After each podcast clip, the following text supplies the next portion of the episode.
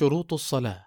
حديثنا فيما سيأتي عن أحكام الصلاة. فللصلاة شروط يجب توفرها قبل وأثناء الصلاة ولها أركان يجب الإتيان بها وتبطل الصلاة إذا لم يأت بها ولها واجبات يجب القيام بها. فشروط صحة الصلاة الإسلام والعقل والتمييز. فلا تصح الصلاة من كافر ولا ممن لا عقل معه أو من غطى عقله بمسكر وغيره ولا ممن هو دون سن التمييز وهو سن السابعة. ومن شروطها دخول الوقت للصلوات المفروضات لقوله تعالى إن الصلاة كانت على المؤمنين كتابا موقوتا وأوقات الصلوات كالتالي وقت الظهر يبدأ بزوال الشمس أي ميلها جهة المغرب بعد توسطها في السماء. ويعرف ذلك بحدوث الظل في جانب المشرق بعد انعدامه من جانب المغرب. وينتهي وقت الظهر إذا صار ظل الشيء مثل طوله غير الظل الذي يكون عند الزوال. ووقت العصر يبدأ من نهاية وقت الظهر إلى اصفرار الشمس ويمتد وقت الضرورة إلى غروب الشمس.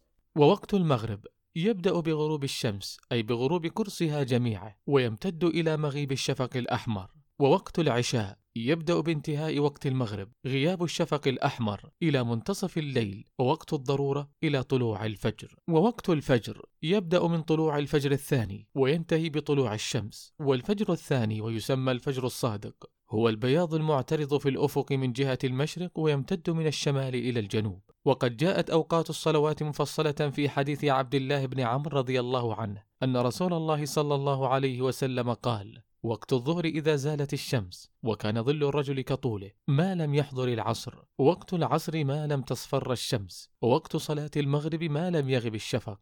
ووقت صلاة العشاء إلى نصف الليل الأوسط ووقت صلاة الصبح من طلوع الفجر ما لم تطلع الشمس. رواه مسلم. ويستحب تقديم الصلاة أول وقتها إلا العشاء فيستحب تأخيرها إذا لم يشق ذلك على الناس.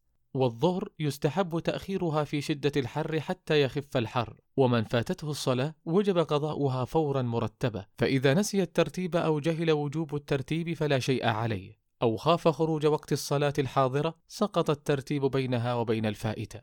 جعلنا الله وذرياتنا من مقيم الصلاة في أوقاتها على أكمل وجه. نكتفي بهذا القدر ونكمل الحديث في اللقاء القادم بمشيئة الله عن بقية شروط الصلاة.